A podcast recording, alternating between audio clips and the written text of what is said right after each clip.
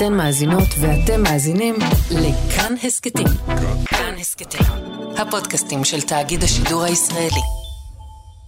512, זה נשמע גג מספר של קו אוטובוס, סתמי, אבל מאחורי המספר הזה, הפרשה הפלילית הגדולה בתולדות המדינה. כמעט 15 שנים אחרי שנפתחה החקירה הגדולה אי פעם שניהלה המשטרה נגד ארגון פשיעה, היום מגיעה לסיומה פרשת 512.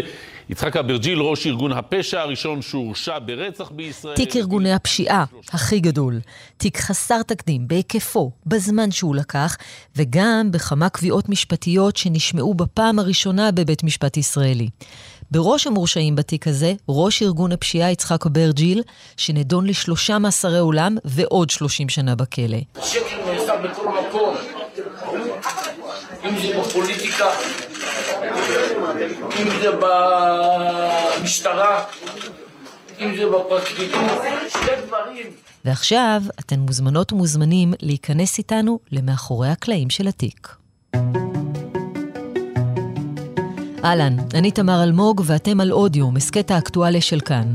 כמעט 20 שנה מאז החלו החקירות בתיק הזה, שבע שנים מאז כתבי האישום, 18 נאשמים, שישה עדי מדינה, 50 אלף האזנות סתר, שלקח לתובע כמעט שנתיים להקשיב להן, 300 דיונים בבית המשפט, ותיק אחד ששינה הכל, תיק 512. עוד מעט נשוחח עם עורכת הדין שרון ארציון מפרקליטות מחוז תל אביב, ממובילות התיק, אבל עוד קודם, איתי יוצרת הסדרה על התיק הזה, שמשודרת בכאן 11, עדי מאירי. שלום עדי. שלום תמר. מה מוביל אותך ואת טל ברדה ליצור את הסדרה הזאת? מה ביקשתן להראות כאן? תראי, הכל התחיל ביום הפיגוע הפלילי. 2003, דצמבר, אני עומדת בצומת, בדרך לפגישה ברחוב אלנבי, ואז פתאום אני רואה פיצוץ. גל כזה של עשן מטורף, אנשים עפים. עכשיו, אותה תקופה, את זוכרת בוודאי, תמר, אה, הייתה תקופת פיגועים. הייתי בטוחה שזה פיגוע, שאני רואה פיגוע, ומיד ככה לקחתי את הטלפון ועליתי לשידור. ואז לאט לאט אני מתחילה להבין, אני רואה את אה, זאב רוזנשטיין, שהיה אז יעד של המשטרה, בורח מהמקום. אני רואה פצועים, אני רואה סוג פציעות שלא נראה לי כמו פיגוע. ואז אני מבינה לאט לאט שיש לי פה עניין עם פיגוע פלילי. קציר הדמים, שלושה הרוגים ו-49 פצועים, בניסיון נוסף, השישי במניין, לחסל את העבריין זאב רוזנשטיין. עכשיו, לאורך השנים, כל המראות האלה והריחות ועצם הפיגוע שהיה מאוד יוצא דופן באותם ימים בזירה הפלילית, גרמו לי לחשוב ולהבין שאני רוצה לעשות פרויקט שיפצח את מה שקרה כאן. עכשיו, לא, הכי קל זה לבוא ולהגיד, אני אבוא ואשמע את המשטרה ואשמע את הפרקליטות ונראה איך הם מטפלים בזה. אבל אני רציתי לשמוע גם את הצד השני. את יצחק אברג'יל. את יצחק אברג'יל, מי שהמשטרה, תמר, ייחסה לו את האחריות לפיגוע הפלילי הזה. ו... ולא רק לזה, נאמר, הוא ראש ארגון הפשיעה הראשון שמורשע ברצח, בשלושה מעשי נכון, רצח הוא מורשע. נכון, הוא נשלח לשלושה מעשרי עולם, הוא הורשע גם בעבירות סמים, בהלבנת הון, ובכך שהוא עמד בראשות ארגון פשיעה עם אמירות מאוד קשות ומהדהדות של בית המשפט. אבל אותי עניין לשמוע לא רק את הצד של המשטרה שאומרת שהוא והוא והוא, אלא לשמוע ממנו מה גרם לו מלכתחילה להפוך להיות אה, ראש ארגון פשע? עד כמה באמת הוא קשור למקרה הזה, ועד כמה סביבת הגידול שלו, בית הגידול שלו, שזה המקום שהוא נולד בו וצמח בו, שזה הסביבה שלו. מגיל תשע לא קנו לי כלום, הייתי רוצה נעליים, הייתי הולך לבריכה, גונב נעליים. הייתי רוצה בגדים, הייתי הולך לחבל, גונב בגדים משכונות אחרות. לשכונה הזאת גדלתי, לשכונה הזאת נולדתי. שזה המצב הכלכלי, שזה ההורים, המשפחה אה, והחברה שסביבו, תרמו והפכו אותו לכזה. כי למה? כי בסדרה, אני וטל ברדה הבמאית ישבנו, ופתאום גילינו שניסי מרום, שהוא התובע מפרקליטות מחוז תל אביב, ראש צוות התביעה, מי שפענח חלק ניכר מהתיק הזה. נכון, שהוא בעצם זה שהעמיד אותו לדין. מסע בן 18 שנים שמגיע היום לסיומו, בהטלת עונשים חמורים וחסרי תקדים על ראשי וחברי ארגון הפשיעה המסוכן והאלים ביותר שפעל בישראל מראשיתה. סוג של ראש בראש, גדל בדיוק באותם תנאים, בדיוק באותו מקום, בדיוק עם אותה סביבת גידול. אחד הפך לעבריין, לראש ארגון פשע, השני הפך לתובע, ובקלות תמר היה יכול גם להיות באותה מידה אותו ראש ארגון פשע. הוא אומר את זה, עורך דין ניסים מרום בסדרה. הוא אומר את זה. הוא אומר, אילולא ההורים שלי, אני הייתי בצד השני. ברחוב שגרנו, לא בשכונה שגרתי, באותו רחוב ממש, גרו מספר עבריינים. זאת אומרת, משפחות שנאבקות בתוך ארגוני פשיעה מוכרים. מעשי רצח שקרו שם, לפחות שניים שאני זוכר. כל הילדות שלי, אה, כאילו אני הייתי הבעייתי. בסוף היום, לקראת ערב, אבא היה חוזר הביתה, ואז אמא הייתה מונה לאבא את הפשעים ש... שעשיתי. כתב פירות אצל השכנים בלי רשות, כל מיני דברים, או יצא מהחצר, אוי ואבוי. אני אומר לך שבלי ההורים שלי, לא הייתי, בטח לא עורך דין, אבל מן הסתם גם בלי בגרות, לא הייתי שם, זאת אומרת, לא הייתי פה. לא הייתי פה, בוודאות לא הייתי פה. מה היית? אני מניח שהייתי בצד השני. ואז אני וטל באות ומנסות לפצח, ולהבין איך זה קרה. כמה יצחק אברג'לים עוד יכולים לצמוח ולגדול. מה האחריות שלנו כחברה, וזאת הסיבה שבאנו והחלטנו אה, לשמוע אותו, להקשיב לו. זהו, הוא נשמע בסדרה הזאת. שהיא באמת מרתקת. תודה רבה. שומעים אותו מדבר, והוא מדי פעם חוזר ואומר, אני ניסיתי להיות נורמטיבי.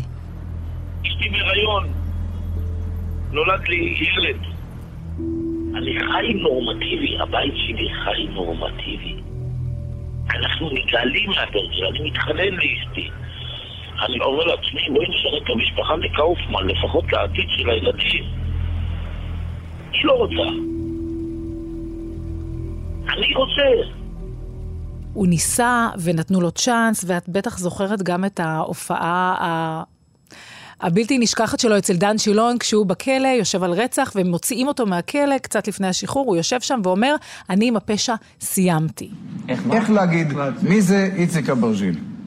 אסיר, אדם, שהאמין במצ... בדרך חיים מסוימת, שעם השנים התחיל להתפכח בבית סוהר. שאמרת לי, ממה אתה פוחד שאתה יוצא החוצה? אז לעשות פשע, אני בטוח שלא יעשה. היום אני פוחד מדברים הרבה יותר קטנים, כמו לפגוע בצורה קטנה, או לפגוע באיזשהו דרך באשתי שאני אוהב אותה. אני לא רוצה לאכזב אנשים שנתנו בי אמון. ואני חושבת שהיו באמת תקופות שהוא באמת סיים וראינו אותו בחוץ. היו uh, קטעים וחלקים בחיים שלו שהוא היה בחוץ, מחוץ לכלא. אבל את הפשע הוא לא עזב, הוא נשאר שם. ואני חושבת שהתפקיד שלנו כחברה, וזאת אחת הסיבות, uh, תמר, שכן, אני חושבת, יעניין כל אחד ואחד שחי כאן ו... ומגדל כאן ילדים, לשמוע את הדברים שלו, להבין איך הוא צמח ונהיה יצחק אברג'יל. מה שמעניין, אגב, את הלימודים שלו, הוא אדם חכם, תקני אותי אם אני טועה. מאוד. מאוד. ולקרוא הוא למד בבית הכלא, נכון. מעבריין צמרת אחר, אחד נכון. השמות הכי מוכרים. נכון. ו... שמעיה אנג'ל. והוא הופך לאדם שהוא אוטודידקט גם בתחום הפשיעה. נכון. הוא יוצר תחומים של פשיעה שלא היו כאן קודם. תראי, כש, כשדיברתי איתו, אז יש פה סוג של אוקסימורון, יש פה סתירה מטורפת, כי מצד אחד אומרים לך כל השנים, זה האיש הכי מסוכן, הוא עומד בראש ארגון פשיעה, הוא עשה ככה והוא עשה ככה והוא רצח אנשים. מהצד השני, את מדברת עם אדם שהוא כריזמטי בצורה בלתי נתפסת, ואני אומרת את זה כמו שזה. זאת אומרת, את לא נתקלת ביום-יום, תמר, באנשים ברמת הכריזמה שלו. הוא סוחף נורא, הוא משכנע. הוא קורא בכלא ניטשה ופרויד. את מבינה את העומק שלו, את מבינה את ה... שיש לך פה עסק עם בן אדם שהוא מאוד מאוד חכם, שהוא משהו אחר. וקשה מאוד אה, כשאת נסחפת ושומעת את הדברים שלו ואת החוכמה שלו ו- ואיך הוא מנתח דברים ואיך הוא מדבר על דברים, לפעמים שכחתי ש- שאני מדברת פה עם יצחק אברג'יל, שהוא ראש ארגון פשע. זה נורא מבלבל. אבל יצחק אברג'יל של תקשורת זה לא יצחק אבר של לא אני. הם רוצים להשמיד את יצחק אבר של... לא אותי. את המפלצת שהם יצרו, הם הצמיחו לי קרניים ועכשיו הם רוצים להרוג אותי בגלל שיש לי קרניים. אבל אתם הצמחתם לי אותם. שיש אצלו גם פער, עוד פער שקיים, מתקשר למה שאת אומרת, ובין באמת האחזות המאוד תמימה, הכמעט ילדותית, החיוך התמים מאוד, לבין מה שבהכרעת הדין השופטים מדברים על אכזריות בלתי נתפסת. נכון, מדברים על כך שהוא הוציא את הפיגוע הזה אל הפועל, שהידיים של הנרצחים, של שלושת הנרצחים, הדם שלהם על הידיים שלו. אנשים חפים מפשע שפשוט היו שם במקרה. נכון, עוברי אורח, כשנזכיר שזה היה ניסיון. אה, לחסל את העבריין אה, זאב רוזנשטיין, בדיוק כשהוא נכנס לאותו צ'יינג', לאותו, לאותה חנות להמרת כספים ברחוב יהודה לוי בתל אביב, ובדיוק כשהוא יצא, אה, הופעל מטען החבלה ושלושה עוברי אורח. קיפחו את חייהם באירוע הזה. ולא יכול להיות שאותו אדם שאנחנו באמת אומרות עליו שהוא כל כך חכם וכריזמטי, עושה הצגה גם בשיחות האלה מהכלא שמובאות בסדרה? תראי, אנחנו שואלות שאלות שלא לא כל השאלות זה שאלות של תגיד, עשית את זה? תגיד, אתה קשור לזה? זה ברור לנו מאליו, וזה obvious, שהוא יבוא ויגיד, זה לא אני. אנחנו הלכנו למקומות יותר עמוקים של להבין איפה הוא צמח, מתי הוא התחיל להיות עבריין ולמה, מה היה יכול לעצור אותו, מה הוביל אותו, מה גרם לו אה, לחשוב שהוא יכול לא להיות עבריין. הפשע בהתחלה היה אצלי אידיאולוגיה. שמי שמלשין צריך למות. אבל זה כבר לא אני. בין הדמות שמצטיירת בחוץ ליצחק אברג'ל לביני, היא עולם ומלואו. אני שונא את יצחק אברג'ל, את לא מבינה? אני שונא את הדמות הזאת שיצרו בכלל. זה לא אני, כדור שלג מתגלגל, יצא מכלל שליטה, אין עליו שליטה. כל מיני שאלות שעניינו אותנו ברמה האישית, ורצינו להבין ולראות איך אנחנו כחברה מפנימים, אה, איך אנחנו לוקחים את זה למקומות שאנחנו יכולים כן לנסות ולעצור את היצחק אברג'ילים הבאים. כי בוודאי יש כאלה. מה הפתיע אותך, אגב, בדמות שלו? הוא בן אדם, אני חשבתי שהוא מאוד מאוד קר רוח. היו רגעים שהוא גם אה, אה, דמה, שהוא בכה וזה, את אומרת לעצמך גם, רגע, שנייה, אני מדברת פה עם מישהו ש... שהוא מואשם ברצח. אה, של שלושה אנשים. ו- זה ו- מפחיד גם. וזה זה, זה מפחיד, אבל זה גם מצד שני, את, רגע, שנייה, אני מתחברת ל- ל- ל- לצער שלו בכל מיני דברים שהוא דיבר אה, בנושאים אישיים על המשפחה, התחברת? על המשפחה של אשתו ש- שקיבלה אותו באיזשהו שלב אחרי שנים שהיא לא קיבלה אותו. זה קשה, אני... אה, החלטתי שאני ניגשת לשיחות איתו כשאני מנתקת את הרגשות, כשאני באה לשם, בלי להביע אה, דעה אישית ובלי להיות רגשית, להיות אובייקטיבית עד הסוף. אני חושבת שעשיתי את זה. אני חושבת שלא הגעתי למקומות הרגשיים עם עצמי, זה קורה לפעמים. בתיקים מסוימים, בחקירות מסוימות, באירועים מסוימים, פה אני הצבתי לעצמי כיד, וכל הזמן בשיחה הזכרתי לעצמי שאני צריכה להיות מאוד מאוד עניינית ואובייקטיבית, ולבוא ממקום של לשמוע ולא לשפוט.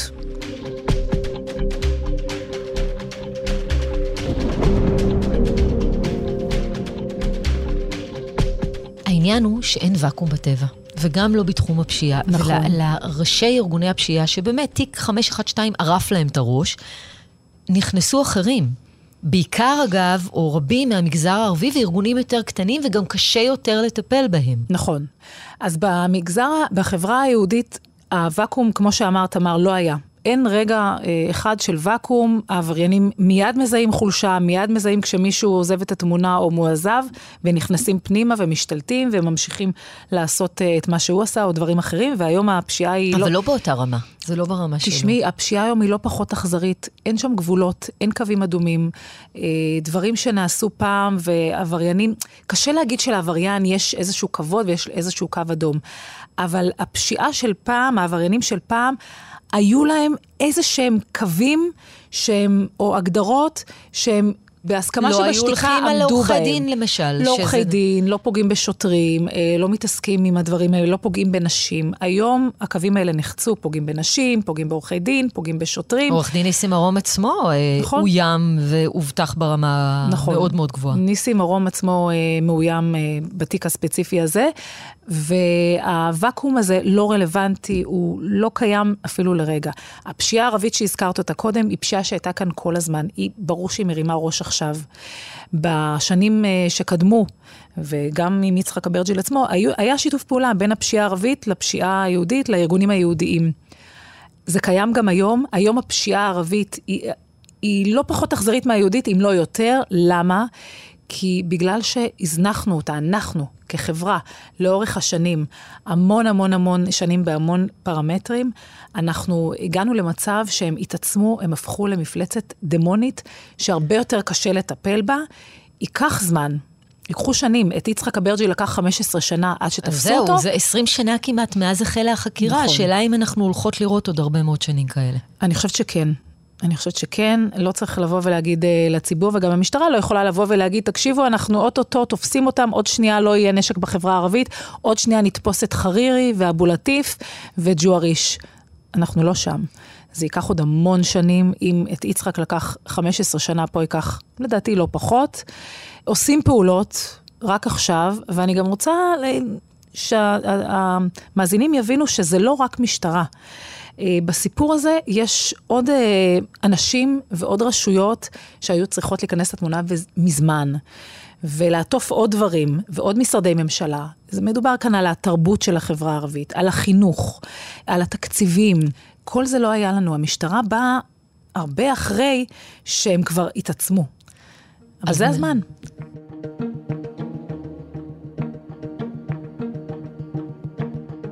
זה הזמן, נקווה שעוד אפשר uh, לעשות uh, תיקון. נדים מאירי יוצרת הסדרה יחד עם טל ברדה, פרשנית לענייני פלילים. תודה רבה לך. תודה רבה, תמר. עורכת הדין שרון ארציון מפרקליטות מחוז תל אביב היא מהפרקליטות הבכירות שהובילו את התיק נגד אברג'יל ויתר המורשעים. שלום עורכת הדין שרון ארציון. שלום תמר, מה שלומך? איך התחושה שאחרי? אה, תחושה של סיפוק מקצועי, סגירת מעגל, תקופה ארוכה מאומצת, אה, שבאה לסופה לפחות אה, חלקית היום, אני מניחה שעוד אה, עושה רושם שלא לא תם ונשלם, עוד נמשיך להיפגש בבית משפט עליון, צפויים ערעורים, אבל מבחינתנו הסתיימה תקופה. כמה זמן התקופה? כמה זמן היית בתיק הזה?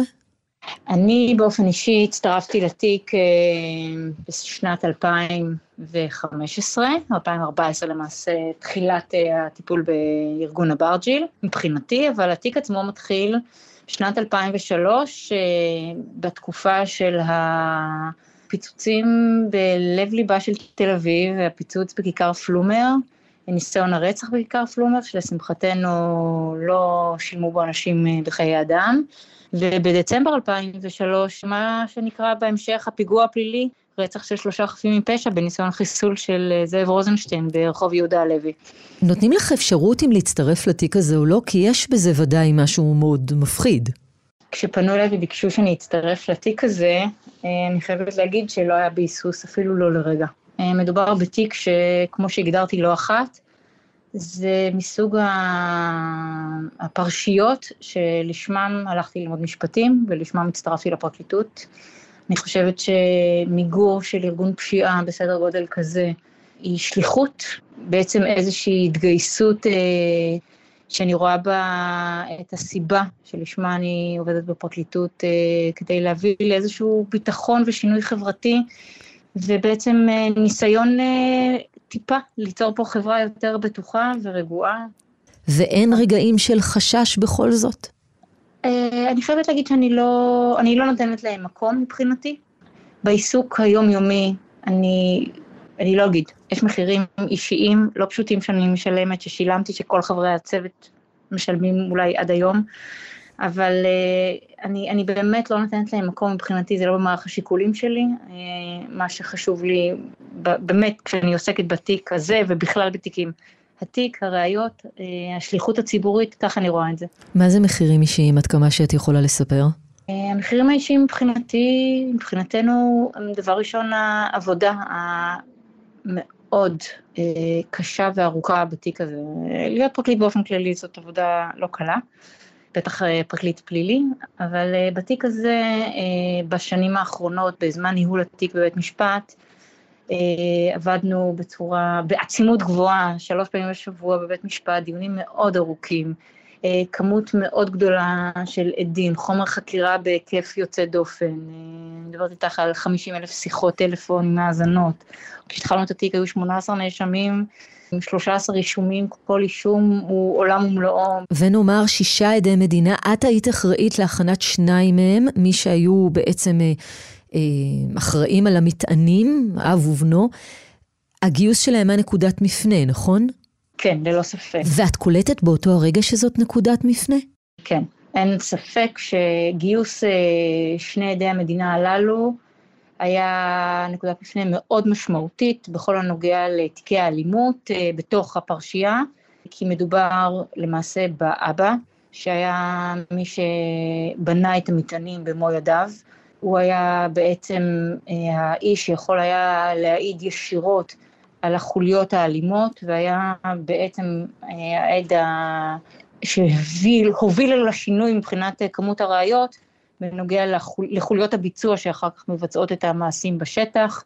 כמובן שאחר כך כשש"כ אה, הופך אף הוא להיות עד מדינה, בעצם אה, התמונה מתהדקת ונסגרת עד סופה, הוא בעצם קצין המבצעים של הפיצוץ הפלילי, הוא אדם מאוד קרוב לראש הארגון, ליצחק אברטי, לנאשם אחד, הוא יכול בעצם היה לתת לנו את התמונה המלאה, הוא נכח הן. אה, בשטח בפיצוץ בכיכר פלומר, הוא היה בעצם כבר קצין המבצעים שהוציא לפועל את הפיצוץ ביהודה הלוי, הוא נכח בעת אה, הפגישה המשמעותית שהתנהלה בבריסל, אה, פגישה שבה בעצם גויסו כל אנשי הארגון כדי להוציא ולהתגייס לצורך ביצוע כמו... פיגוע פלילי באמת ביהודה הלוי. הפושעים הגדולים באמת, מן הסתם לא מפחיד להיכנס לכלא. הם שולטים בו גם ככה. מה מניסיונך בתיק הזה ובכלל כן מפחיד אותם? מה יכול באמת למגר את הפשיעה?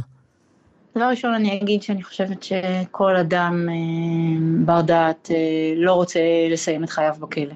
תקופות מאסר ממושכות, כפי שהוטלו בתיק הזה, הן מרתיעות ומשמעותיות. אה, אני חושבת שהרתעה משמעותית לא פחות היא הרתעה של אובדן הכוח. אובדן החיילים, האובדן היכולת הכלכלית. אם יש דבר שאני חושבת שהיווה פה איזשהו מסר מרתיע, אה, גם לארגוני פשיעה אחרים, היא העובדה של אובדן האמון של ארגוני פשיעה באנשים שלהם. העובדה שאנשים מאוד קרובים לראש הארגון יכולים פתאום להפוך להיות אה, עדי מדינה, היא כבר מאוד מרתיעה. כל אדם שמנהל ארגון פשיעה מהסוג הזה, צריך להבין שהוא לא יכול לפתוח באמת באף אחד. כל אדם יכול להפוך להיות עד מדינה כנגדו, אה, ולכן הדבר הזה הוא מאוד מרתיע ומשמעותי. ויש עוד דבר אחד שאנחנו גם אה, רואות אותו בסדרה, ובכלל, גבולות נחצו. פעם היה... היה מדובר על קודים של ארגוני פשיעה, שיש דמויות שבהם לא נוגעים, שיש דברים שלא עושים, היום כבר אין דברים כאלה.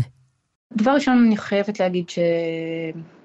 באופן כללי. הפשיעה הולכת ונהיית אה, חמורה יותר, קשה יותר, אה, הקודים אה, נשברים אט-אט. בתיק הזה, שהפשיעה בו מתנהלת שנים ארוכות אחורה, מציג לנו בצורה הכי מוחשית את העובדה שגם אם אתה יכול לחשוב שמדובר בעצם בסכסוך בין עבריינים, הציבור התמים, עוברי האורח לא יכולים להיות שקטים ולהגיד זה לא מעניין אותי. כי מי שנפגע בו בסופו של דבר, הם עוברי אורח תמימים. שלושה אזרחים שאין להם קשר לסיפור, שילמו בחייהם. 50 איש נפצעו, רכוש אה, של אנשים תמימים נפגע. המלחמה הזאת היא מלחמה שפוגעת בנו, באזרחים, וכולנו בעצם עלולים להיפגע, ולכן אנחנו לא יכולים להקל ראש. את מרגישה איזושהי הקלה עכשיו כשזה יסתיים, או שאת אה, לא מרשה לעצמך אה, לנוח או לקחת uh, קצת חופש? אני חושבת שאנחנו לא יכולים לקחת חופש, כי אנחנו ממשיכים לטפל uh, בפשיעה. יש הרבה מאוד אתגרים היום uh, בפרקליטות באופן כללי, יש לנו הרבה מאוד אתגרים של אלימות בחברה הערבית, שהפרקליטות היום מגויסת בצורה מאוד משמעותית בניסיון באמת למצוא פתרון לדבר הזה. השאלה אם זה ייקח שוב כמעט 20 שנה לפצח את הקודים. אני מאוד מקווה שלא, אני מקווה שאנחנו חכמים יותר, אה, למדנו לפעול, כל אה, תופעה כזאת דורשת בעצם דרך פעולה אחרת, אבל אני מקווה שעם הלמידה שלנו נוכל לפעול בצורה אפקטיבית. אני גם מקווה שאנחנו מצליחים בתיק הזה להחזיר גם את אמון הציבור. כי בשנים האחרונות נשמעים עוד ועוד קולות של אה, ירידה של אמון הציבור ברשויות האכיפה, בפרקליטות, ואולי אנשים היום רואים ומסתכלים עלינו ומסתכלים על הפסיקה של בית משפט ועל המלחמה העיקשת שלנו, אה, גם כל כך הרבה שנים אחר כך, ומבינים שגם 19 שנה אחרי, אה, רשויות האכיפה, הפרקליטות, המשטרה, בשיתוף פעולה, לא נחים, בניסיון באמת לבוא חשבון ולסיים את המלחמה במי שגורם פגיעה באזרחים, בחפים מפשע. ואני חושבת שזה גם מסר מאוד מאוד חשוב לאזרחים, שהם צריכים לדעת שאנחנו שם, ולנסות להרחיק עד כמה שאפשר ולפרק את, את אותם ארגונים ואת אותם כוחות שפוגעים בשלווה ובביטחון של כולנו. עורכת הדין שרון הר ציון, מהפרקליטות הבכירות אה, בתיק הזה, תודה רבה לך. תודה, תמר, תודה לך.